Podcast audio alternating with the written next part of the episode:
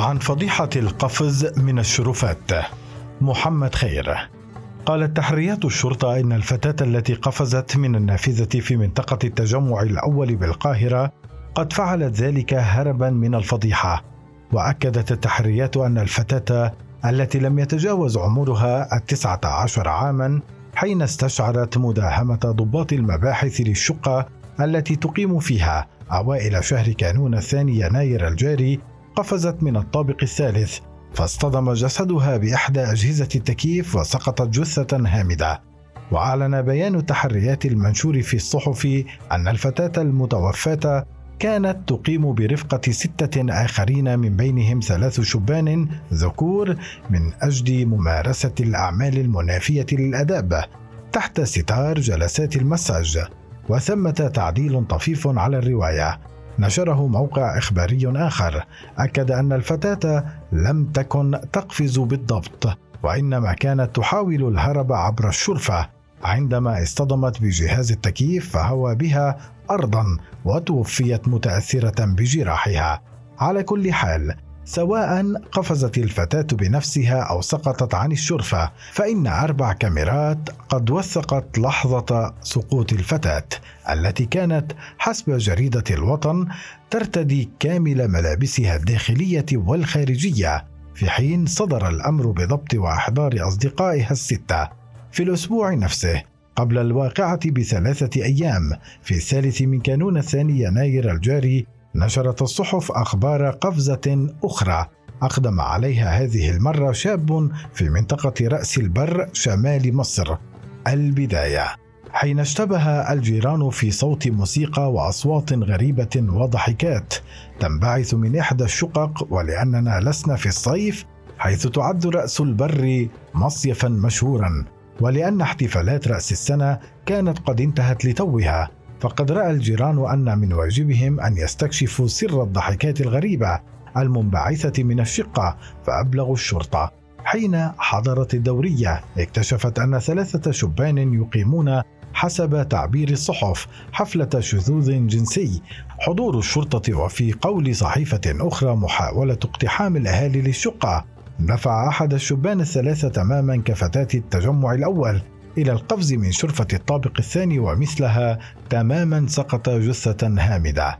أمام النيابة العامة اعترف المتهمان اللذان بقيا على قيد الحياة بأنهما تعارفا عبر وسائل التواصل الاجتماعي واتفقا على اللقاء في المدينة لخلوها من المصطافين شتاء وكونا مع آخرين شبكة لممارسة الشذوذ الجنسي وأمرت النيابة بحبسهما وصرحت بدفن المتوفي قبل أسبوعين من مصرع الشاب في رأس البر قفزت فتاة في الإسكندرية من الطابق الرابع حين فشلت في فتح باب الشقة. حسب التحريات كانت الفتاة تقضي سهرة صحبة صديقها بشقته بالطابق الرابع.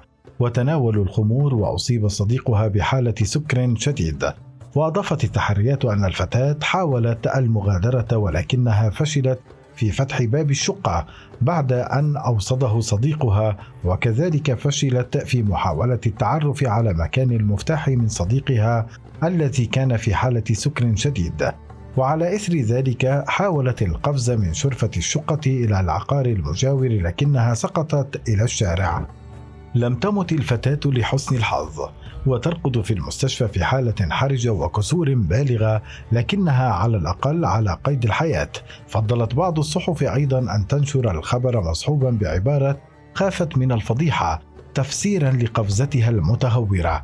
ثمة غموض في الواقعة ربما لن نعرف الحقيقة قريبا أو لن نعرفها أبدا بعد أن انتقلت الصحافة إلى ترندات أخرى لكن ما الذي يدفع شخصا حين يعجز عن فتح باب البيت بدلا من أن يطلب العون من الجيران أو يصرخ أو يطلب البوليس إلى القفز من الدور الرابع؟